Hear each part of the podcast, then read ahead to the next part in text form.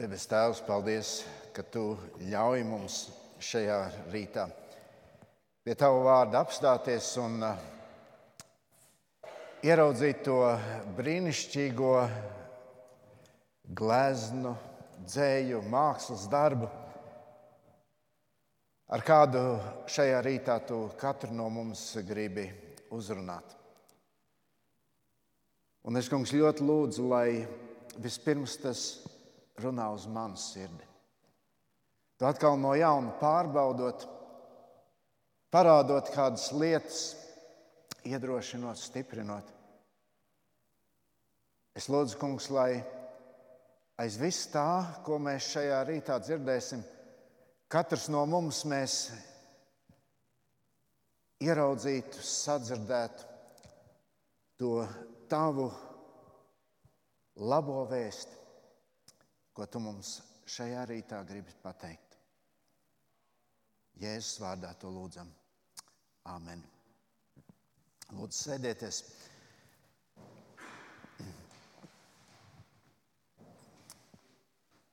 Es arī jūs gribu sveikt šajā pirmajā adventas svētdienā,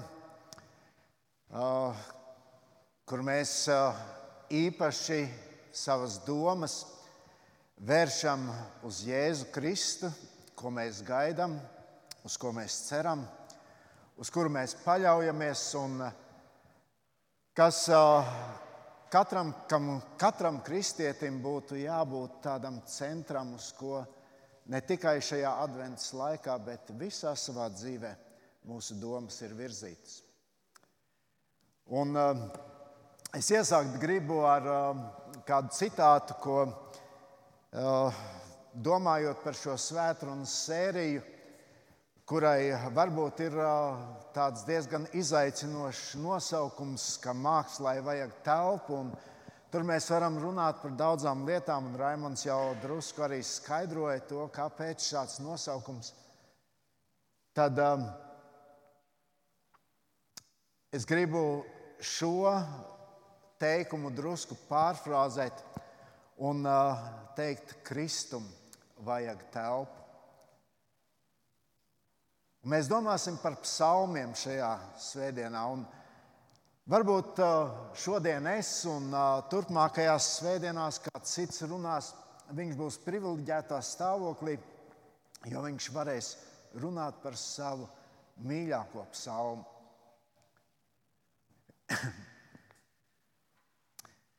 un uh, Savā laikā es nezinu, kāds bija tas jautājums, bet uh, kāds cilvēks acīm redzot, varbūt pārmetot, uh, varbūt uh, izsakot savas šaubas lielajam pasaulē slavenajam sludinātājam Čārlzam Spērģenam, varbūt jautāja, nu, kāpēc tu visu laiku savos, savās svētdienās runā par Jēzu, kur tu viņu visur ieraugi. Un tad uh, Čārlis Spērģens teica, tā, vai tiešām jaunais cilvēks nezināt, ka katra pilsēta, katrs apgabals, katrs ciems Anglijā ir savienots ar galvaspilsētu Londonu.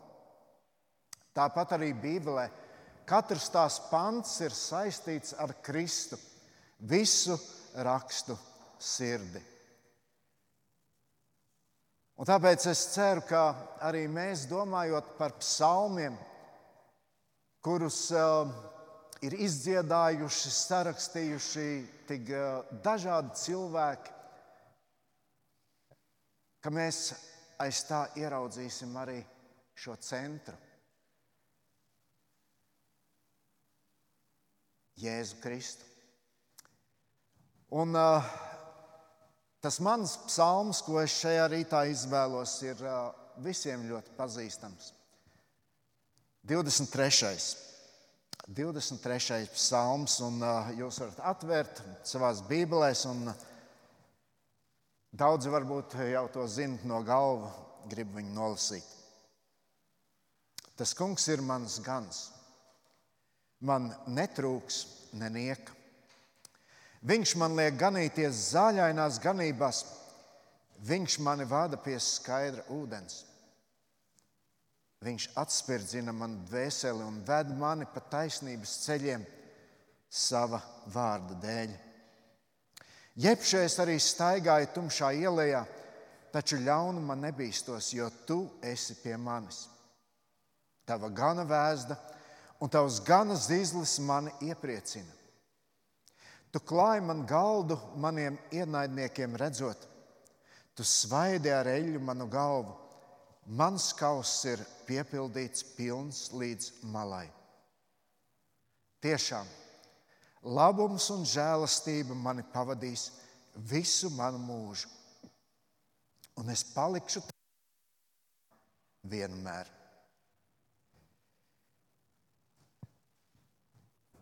Es šo psalmu esmu lietojis ļoti dažādās dzīves situācijās. Diezgan bieži tad, kad uh, tu sastopies ar cilvēkiem un tev nākas viņiem teikt kādus mierinājumu vārdus, iedrošinājumu vārdus, ko mēs varam atrast Dievā. Kad nākas runāt par uh, to, cik svarīgi ir sajust šo Dieva aizsardzību. Un parasti lietojot šo psalmu, tiek uzsvērta šī doma, Dievs ir tas, kas par tevi rūpējas. Bet šajā rītā es vēlos uz šo teikumu, uz šo psalmu paraudzīties varbūt no nedaudz citas puses.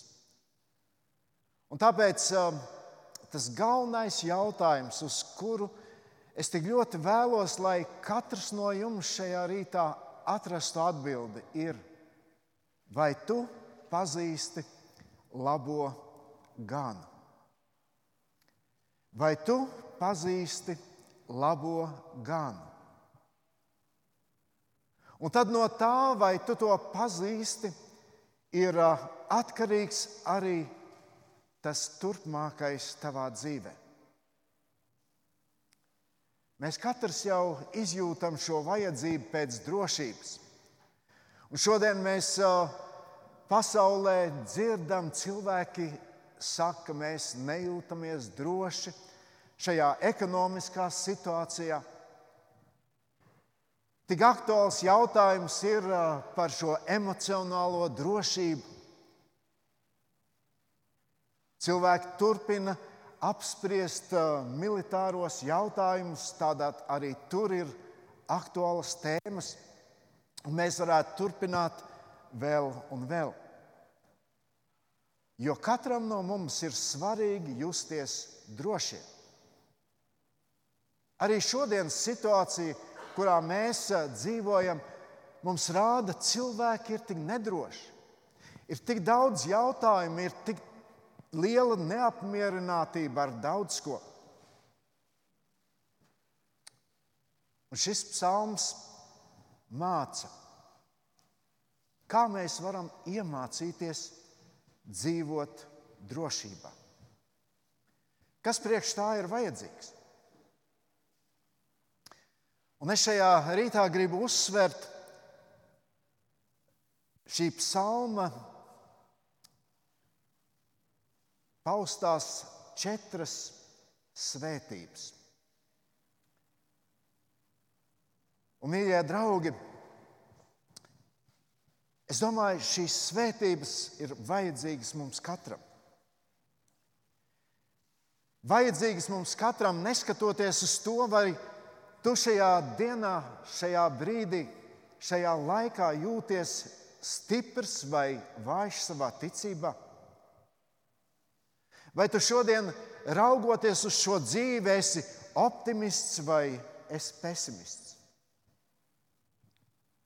Un tieši tāpēc man ļoti gribētos kaut šī psalma, šī, šī psalma vārdi šodien uzrunātu katru no mums personīgi.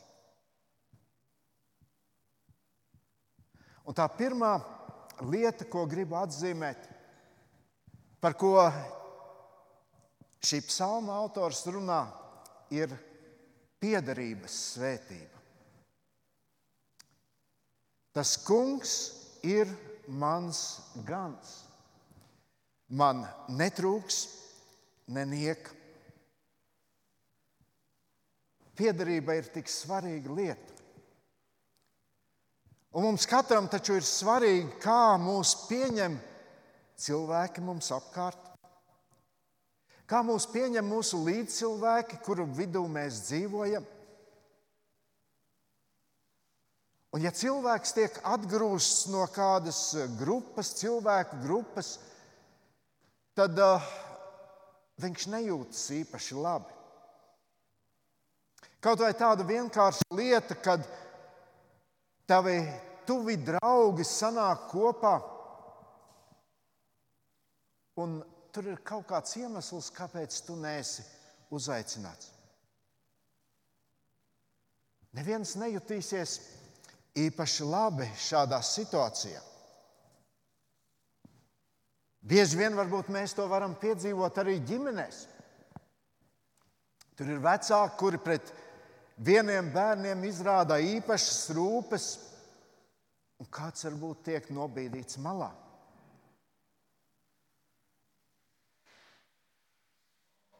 Un tas ir īpaši, īpaši sāpīgi šim cilvēkam. Un šodien arī mēs ar tādām situācijām sastopamies. Un, uh, un tad mēs saprotam, cik svarīgi mums kā cilvēkiem ir kādam piederēt. Un Dāvids šeit iesāk ar tādu vienkāršu un svarīgu teikumu.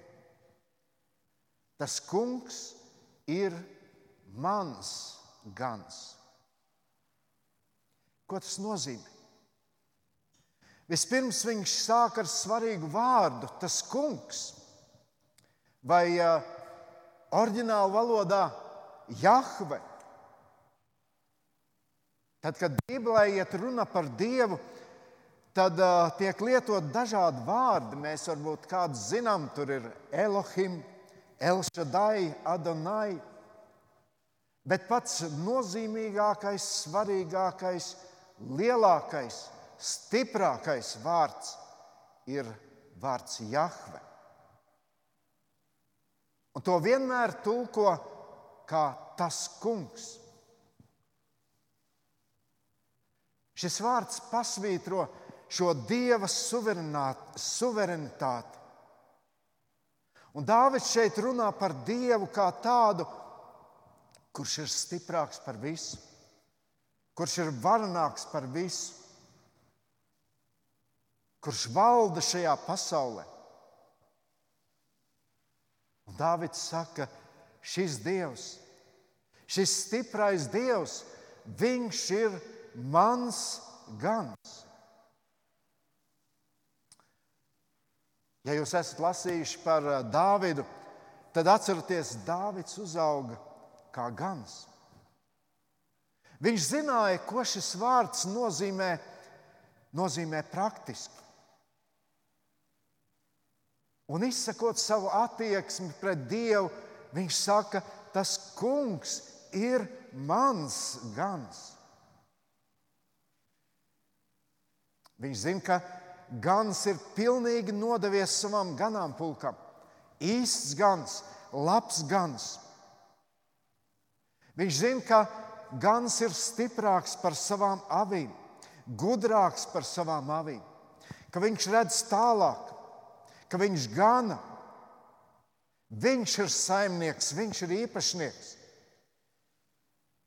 Viņš rūpējas par savām avīm ar mīlestību par katru āvi savā ganāmpulkā.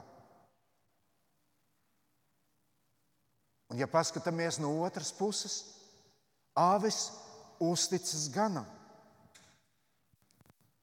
Un tad, kad mēs domājam par cilvēku un dieva attiecībām, tad, protams, tās ir ļoti dažādas.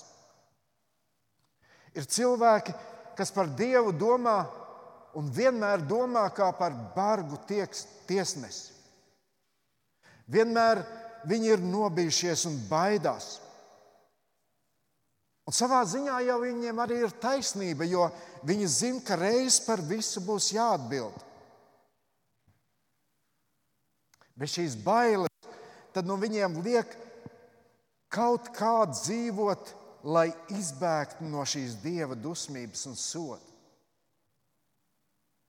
Bet, ja jūs uzmanīgi paskatāties, tad Dāvids šeit runā par pilnīgi citādākām attiecībām. Un interesanti, es sacīju, Dāvids zināja, ko tas nozīmē praktiski būt ganam, bet tad, kad viņš raksta šo psalmu, Dāvids ir ķēniņš. Un tad sakot, tas kungs ir mans gans, viņš sevi noliek šīs auss stāvoklī. Ķēniņš. Tik pazemīgs. Viņa dzīve ir pilnīgi atkarīga no gana. Viņa dzīve, kurai ir nodevusies ganam. Dzīvē, kur viņš pazīst šī gana balsi. Dzīve, kurā viņš grib sekot ganam. Dzīve, kur šī gana klātbūtne, šī sajūta ir svarīgākais viņa drošībai. Lūk, cik brīnišķīgi Dāvids zīmē šīs attiecības starp Dievu un viņa bērniem. Un tad pārējais, ko viņš tālāk raksta šajā psalmā, tas attiecas tikai uz tiem, kam ir šādas attiecības. Un tieši tāpēc tik svarīgs ir šis jautājums šodien katram no mums. Vai tu pazīsti labo ganu? Un ja tu savu dzīvi esi nodevis Jēzum Kristum, ja tu gribi pildīt viņa prātu, ja tavā dzīvē viņa vārds ir tas svarīgākais, kam tu paklausi, tad zini, ar šo ganu tu vari būt drošs. Vai nav brīnišķīgs mākslas darbs, ko šeit veido Dāvids?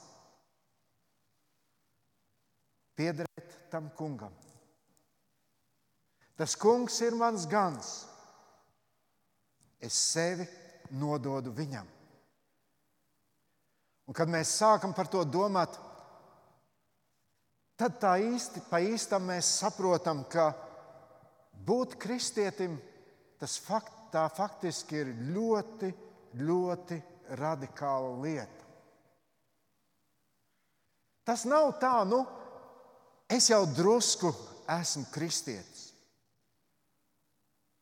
Ja tu savu dzīvi, ja tu sevi esi devis Kristum, tad, mīļie, nemēģināsim sevi mierināt ar kādiem procentiem. Īsta kristietība nekad nevar būt procentuāla kristietība.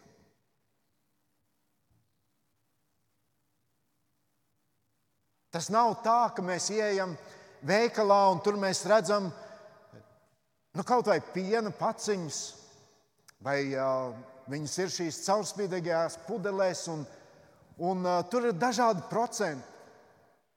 Un jo mazāks procents, jo varbūt caurspīdīgāks šis šķidrums šajā, šajā pudelē.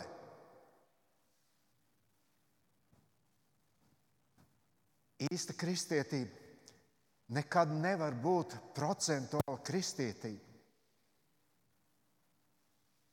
Kristietība ir visu vai neko. Vai nu tu esi savu sirdi nodevis Kristum, vai vēl nē. Un tāpēc, tāpēc man šodien tik svarīgs liekas šis jautājums, vai tu pazīsti labo ganu personīgi? Praksē. Tad, kad tev dzīvē ir jāpieņem kādi lēmumi attiecībās ar cilvēkiem, skatoties šodienas pasaulē, vai arī tajā mazajā pasaulītē, kas notiek ap tevi. Es zinu, ka varbūt daudzi šo 23. psalmu varētu noskaidrot no galvas, bet tas neko nelīdzēs. Ja cilvēks personīgi nepazīst šo labo ganu, ja tu no sirds nevari teikt, tas kungs ir mans gans, ja tu šodien nejūties viņa auss, ja tu nejūties atkarīgs no gana, tad tam nav nekādas nozīmes. Tieši par to Dāvids runāja, Dievs runāja caur pravieti Jeremiju, kur viņš liek Jeremijam tautai teikt par jauno derību. Un Jeremijas grāmatā 31, 33 mēs lasām, šāda būs derība, ko es slēgšu ar Izraēlu namu pēc šīm dienām. Tā saka tas kungs. Es iedēstīšu savu bauslību viņos pašos. Es to rakstīšu viņu sirdīs, un es būšu viņu dievs, un tie būs mana tauta. Par ko šeit iet runa? Dievs šeit runā par ļaudīm, kuri skaidri zinās, kuri būs pārliecināti, mēs piederam tam kungam.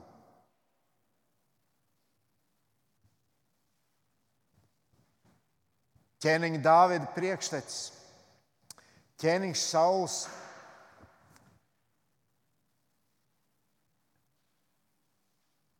Ļoti pretrunīga personība. Bet Tur bija brīdis, kad Samuēls viņu svaida par ķēniņu. Un nepaiet ilgs laiks, kad Sauls jau ir aizmirsis, ka viņš ir Dieva svaidīts ķēniņš, un viņš nepakļaujas Dievam. Mēs varam lasīt par to 1. Samuēlā grāmatā, 15. nodaļā. Un tad Dievs runā uz Samuēlu un saka, ķēniņš, ko tu esi svaidījis, viņš nedara tā, kā vajadzētu. Un Samuēls iet un runā ar Saulu. Viņš saka, ka tu neesi uzticīgs Dievam. Un tad tur ir interesanti, mēs varam izlasīt, ka ķēniņš Sauls saka, atbildot Samuēlam, Nu, tavs dievs tā teica. Pasaki savam dievam. Sauls saka, tas ir Samuēla dievs, bet tik svarīgi ir, ka viņš ir mans dievs. Sauls droši vien tā pa īstam nebija pazīstams ar šo dievu. Vai tu šodien ar pārliecību vari teikt, mans Dievs? Vai tu esi no sirds nācis viņa priekšā un teicis, pieņem mani tāds, kāds es esmu? Es gribu dzīvot ar tevi. Ja tas ir, tad zini, ka uz tevi attiecas tas, ko mēs lasām tālāk šajā psalmā. Vai tu šodien jūti šo piederības svētību? Tu piederi tam, kas ir stiprāks par visu. Ja tas kungs ir mans gans, tad pilnīgi viss mūsu dzīvē ir zem viņa kontroles. Un Dāvids saka, man netrūks nenieka. Man netrūks nenieka. Mēs dzīvē sastopamies ar dažādām problēmām, un šis risinājums ir mūsu attiecībās ar labo ganu. Tas nenozīmē, ka mūsu dzīvē nebūs grūtības. Nē, Mēs dzīvojam grēcīgā pasaulē. Un Dievs neņem mūs projām no tās, bet dod šo spēju dzīvot, ka mums netrūks nenieka. Mēs iesim tālāk. Un, tā otra svētība, par ko mēs lasām šajā psalmā, ir, ka šīs dieva rūpes par mums ir šī svētība, ko mēs varam baudīt. Dieva rūpju svētība. To mēs redzam 2. un 3. pantā, kur Dāvids apstiprina tikko teikto, ka viņam netrūks nenieka. Dāvids saka, viņš man liek ganīties zāļainās ganībās. Viņš mani vada pie skaidra ūdens. Viņš atspirdzina manu dvēseli un ved mani pa taisnības ceļiem sava vārda dēļ. Dievs dod saviem bērniem visu, kas tiem ir nepieciešams. Un apbrīnojam, kā Dāvids to apraksta. No savas prakses to viņš visu ir piedzīvojis kā gans. Viņš ir rūpējies par avīm. Viņš viņus ir vadījis uz šīm zāļainām ganībām. Viņš ir aizvedis viņus pie skaidra ūdens. Viņš to ir darījis. Un šeit Pāvils Dāvids saka, tas mans gans, tas mani nedzen tā vienkārši uz priekšu. Un tad, nu, cauri tām zāļainām gadībām kaut ko tur norauj, ko tu paspēsi, ar to tev būs jādzīvo. Tālāk jau nekas labs nav sagaidāms. Ziniet, kristietim tās zāļainās ganības jau nav tikai tās pusotra, divas stundas nedēļā. Ar to nepietiek. Ar to nevar izdzīvot. Tāpēc Dārvids šeit saka, viņš man liek ganīties zaļainās ganībās. Viņš zina šīs dieva piedāvātās, sarūpētās barības vērtību. Mēs varam mācīties Dieva vārdu draudzē. Mēs to pārdomājam, mēs lasām un pārdomājam Dieva vārdu ikdienā. Mums ir sadraudzība ar citiem kristiešiem, kur varam viens otru iedrošināt, viens par otru rūpēties. Tās ir zaļainās ganības. Mums ir iespēja lūgt, kur mums ir šis dialogs ar Dievu. Tās ir zaļainas ganības. Kad tu pateicies, kad tu slavē Dievu par tiem darbiem, brīnumu darbiem, tās ir zaļainās ganības. Jautājums ir, vai tu to izbaudi? Vai tu saproti, tas ir tas, kā labais gans par mani rūpējas? Tas ir tas, kas mums nāk caur viņu kurš ir mans gans. Viņš mani vada pie skaidra ūdens. Atcerieties, Jēzus saka, kas dzers no tā ūdens, ko es tam došu, tam neslāps ne mūžam. Un mēs esam tik atkarīgi no tā, kurš mums to spēj dot. Es vēlreiz gribu uzsvert, Šo raksta ķēniņš. Viņš raksta, viņš bija galvenais, viņš bija valdnieks. Viņš bija faktiski tas cilvēks, kuram pilnīgi viss piederēja. Bet tāpat laikā viņš saka, tas kungs ir mans gans. Viņš man liek ganīties zaļainās ganībās, viņš mani vada pie skaidra ūdens. Dāvidam viss bija.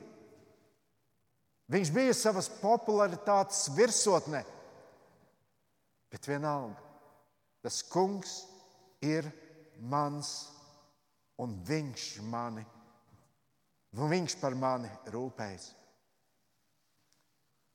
Vai tu šodien tā sajūties? Tālāk Dārvids saka, viņš atspirdzina manu dvēseli un ved mani pa taisnības ceļiem sava vārda dēļ. Mēs taču arī savā dzīves skrējienā nogurstam, un mums ir nepieciešams uzmundrinājums katram no mums. Man tas ļoti bieži ir vajadzīgs. Bet, ja tu pazīsti labo ganu, tad zini, vislabāk to izdarīs tieši viņš. Un tad ir jautājums, pie kā tu griezies vispirms, kad tev ir grūti, kad tu esi noguris. Kas tev dod to labāko atspirdzinājumu? Ja tu pazīsti labo ganu, tad steidzies pie viņa.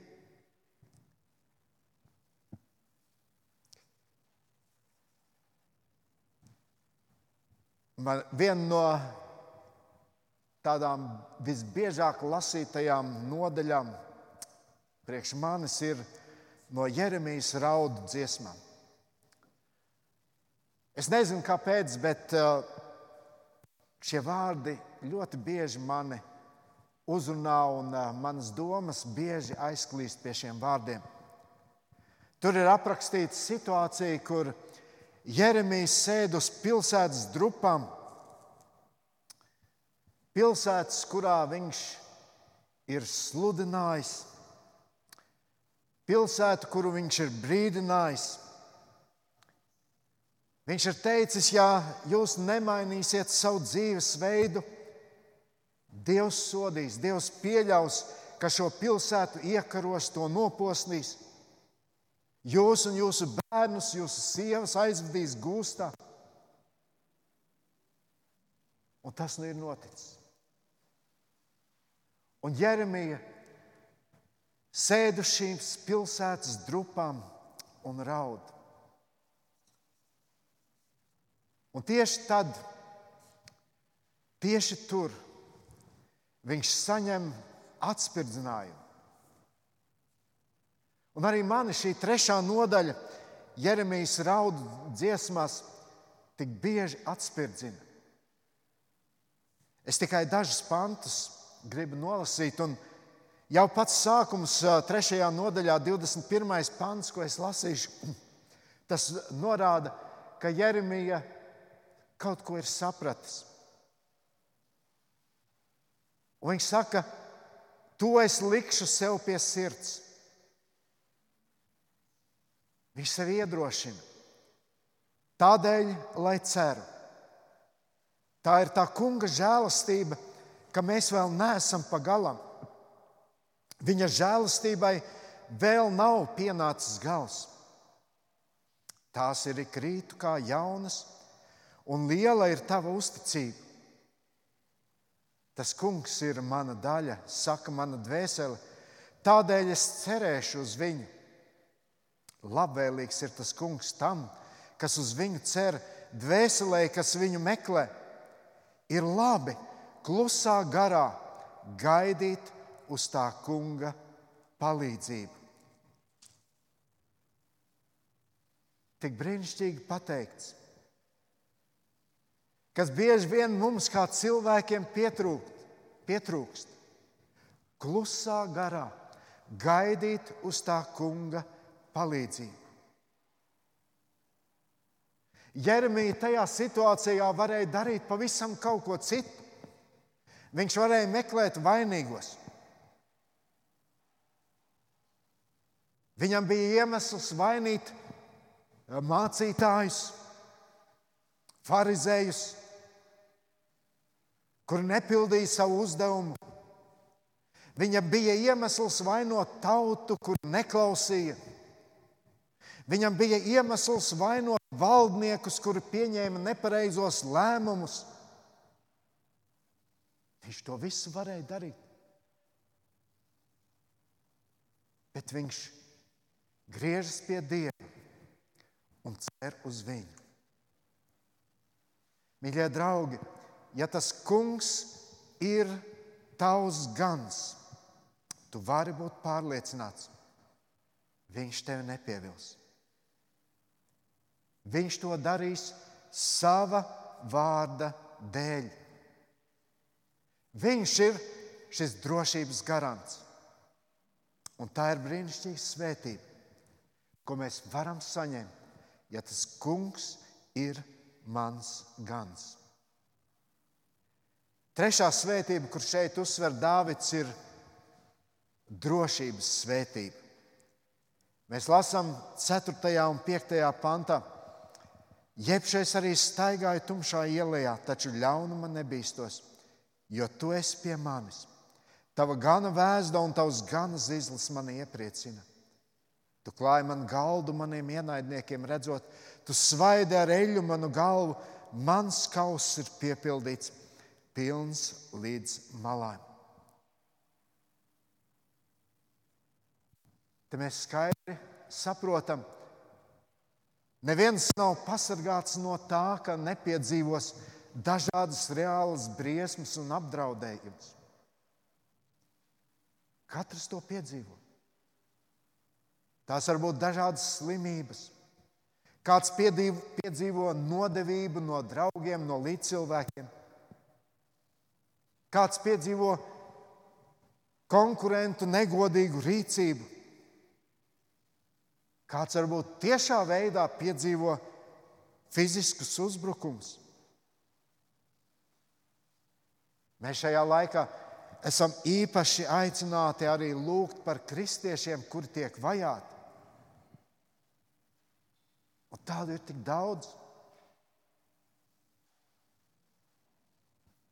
Bieži vien arī mēs paši sastopamies ar apstākļiem, kuri mūs uztrauc. Bet Dārvids šeit saka, lai kādi ir apstākļi un situācijas, manā sirdī ir miers. Es nebīšos ļaunumu. Es nebīšos ļaunumu, kuru, kurš katru no mums apdraud. Šodienas pasaule kļūst ar vien agresīvāka pret Kristu, pret kristiešiem.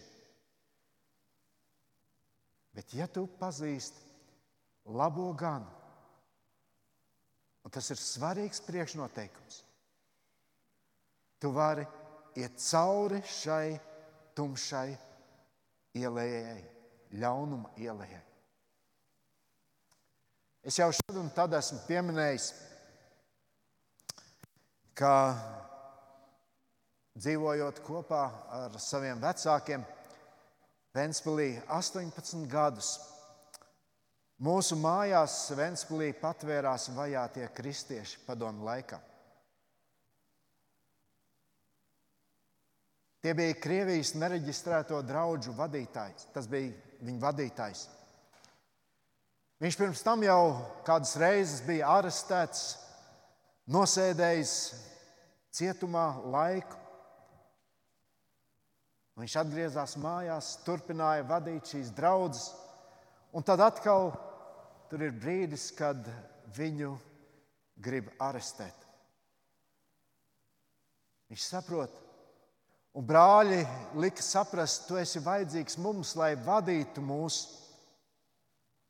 Viņš atvadās no ģimenes un aiziet pagrīdē. Viņš atbrauc līdz Ventspīlī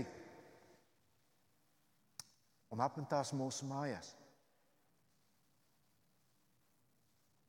Atceros, es atnācu mācīties uz Rīgu, mācījos tehnikumā, un šad un tad eh, gāju tur no stacijas uz, eh, kur tagad galerija centrs, universāla veikals. Un tur bija jāiet garām milicijai, jeb policijai. Kādu dienu es eju, un es, uh, tur ir ziņojuma dēlis, un uz šī dēļa es ieraugu pazīstamu seju tiek meklēts. Un tajā lai tur ir dažādi gan slepkavas, dažādi cilvēki, kas ir izdarījuši kādus noziegumus, un starp viņiem arī tas cilvēks, kas ir mūsu mājās. Un tur ir rakstīts, īpaši bīstams. Un, ziniet, gan tad, gan tagad, kad varbūt kādas lietas nāk gaismā, un tu uzzini, kā šis cilvēks tika meklēts, kā čekas mašīna darbojas. Bet viņi nekā nespēja izdarīt. Kad es atceros šo cilvēku, es domāju, es nekad viņu nebiju redzējis nobijušos, satrauktu. Dāvids raksta šos vārdus no personīgās pieredzes. Ja tas kungs ir mans gans, ja es viņam uzticos, tad arī tajās situācijās, kad es nokļūstu dažādās grūtās situācijās, situācijās es šī ļaunuma nebīstos. Es varu paļauties uz to kungu. Kas tevi šodien satrauc? Kas varbūt tevi šodien apdraud? Varbūt tā ir šī situācija ar šo vīrusu, kādā mēs šodien visi atrodamies. Bet arī tad es gribu teikt, ja tu pazīsti labo ganu, tad zini, viņš ir kopā ar tevi. Kaut mēs visi spētu iemācīties dzīvot ar šo atziņu, lai kādi ir apstākļi, tas kungs, ko es pazīstu, ir kopā ar mani. Un pēdējā lieta, ko gribu minēt, un to lasām 6. pantā, Un tur mēs redzam šo pārliecības svētību, ar kuru mēs varam iet tālāk dzīvē. Sestais pants tiešām, ieklausieties, tiešām pēc visa tā, ko mēs lasījuši, tiešām labums un žēlastība mani pavadīs visu manu mūžu, un es palikšu tā kunga namā vienmēr. Viņš ir tik pārliecināts, pārliecināts par savu Dievu. Dievs, kuram es piedaru. Viņš dod man šo piederības svētību, ka es esmu priekš viņa svarīgs. Viņš dod man šo svētību, ka viņš par mani rūpējas un gādā. Viņš dod man šo svētību, ka es varu viņā justies droši ikvienā dzīves situācijā. Un noslēdz viņš, es varu būt par to pārliecināts. Dāvids, kurš bija ķēniņš, viņš nerunā par to, ka viņš ir pārliecināts par sevi. Viņš nerunā, es esmu pats labākais, es esmu pats veiksmīgākais. Nē, viņš runā par pārliecību savā dievā.